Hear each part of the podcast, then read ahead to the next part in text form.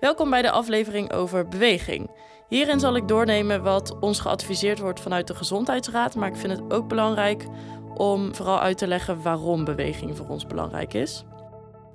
Voor volwassenen geldt de richtlijn om minstens 150 minuten per week aan matig intensieve inspanning te doen, verspreid over diverse dagen. Uh, matige inspanning is bijvoorbeeld fietsen, wandelen, zwemmen. En intensieve inspanning is wanneer je echt zwaarder gaat ademen en hijgen uh, of puffen. Of bijvoorbeeld echt buiten adem raakt bij bijvoorbeeld hardlopen of wielrennen. Daarbij geldt dat langer, vaker en intensiever bewegen extra gezondheidsvoordeel oplevert. En verder wordt er aangeraden om minstens twee maal per week spier- en botversterkende activiteiten te doen en om veel stilzitten te voorkomen. Maar waarom eigenlijk precies? Bewegen is belangrijk voor een betere doorbloeding. Een betere doorbloeding is ook in je hersenen belangrijk, omdat het hier zorgt voor betere verbindingen tussen de verschillende hersengebieden. Daarnaast gaat bij beweging je stofwisseling omhoog, waardoor je betere prestaties kan leveren. Denk hierbij aan prestaties tijdens het sporten, maar ook om beweging in het dagelijks leven makkelijker te maken. Om ook gezond oud te worden is beweging van belang, omdat je minder risico loopt op het krijgen van ouderdomsziekten. Ook voor je botten is lichaamsbeweging van belang. Uh, botten passen zich namelijk aan aan de hoeveelheid belasting die zij te verduren krijgen. De botdichtheid neemt dus af als je minder actief bent, wat leidt tot minder botaanmaak. Dit zorgt voor minder sterke botten en langzamer herstel. Net als bij botten past ook bindweefsel zich aan aan hoeveel het belast wordt. Bindweefsel verbindt structuren in het lichaam en speelt een belangrijke rol bij het overdragen van kracht. Bij weinig beweging, dus bij inactiviteit, wordt er minder collageen aangemaakt, waardoor de aanhechting in pezen en spieren verzwakt. Hierdoor worden alle weefsels minder sterk en minder elastisch als ze wel weer belast worden. Ook heeft beweging en ook niet bewegen invloed op je bloedsomloop en je ademhaling. Dit heet ook wel je cardiovasculair vermogen. Je kunt hierdoor minder goed of minder lang sporten. Dit gebeurt al na 5 tot 10 dagen. Wat er gebeurt is dat je bloedvolume afneemt, waardoor het lastiger wordt om zuurstof naar je bloed te transporteren. Zuurstof wordt dan minder efficiënt door je lichaam verspreid en je hart moet steeds sneller kloppen om te zorgen voor voldoende zuurstof.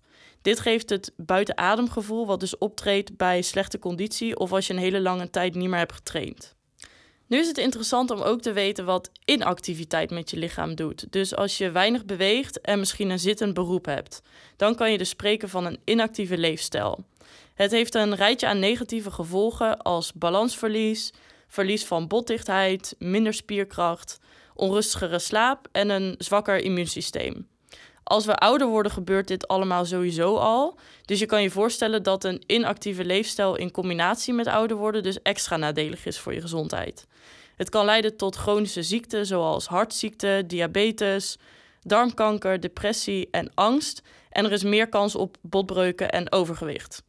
Overgewicht is zelf ook weer gerelateerd aan diabetes, een verhoogd risico op een verhoogde bloeddruk en cholesterol, hart- en vaatziekten en verschillende vormen van kanker.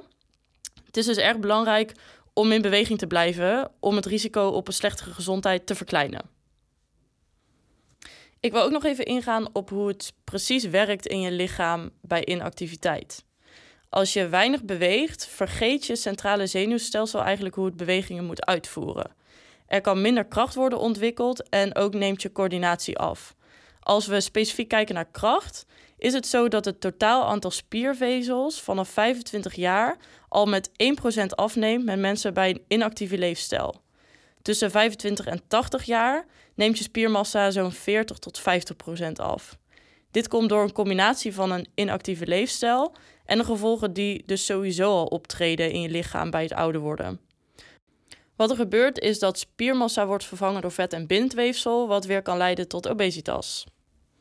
Al deze factoren geven aan hoe belangrijk het is om regelmatig te bewegen en te sporten.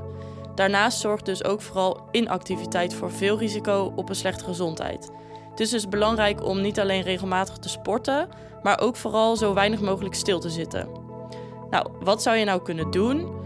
Denk aan kleine tricks die je zelf in het dagelijks leven kan toepassen.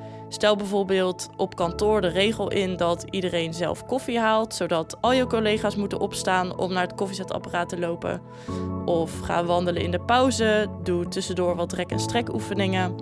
Ga bijvoorbeeld met de fiets naar je werk, pak de trap waar dat mogelijk is en kies een sport die je leuk vindt om te doen.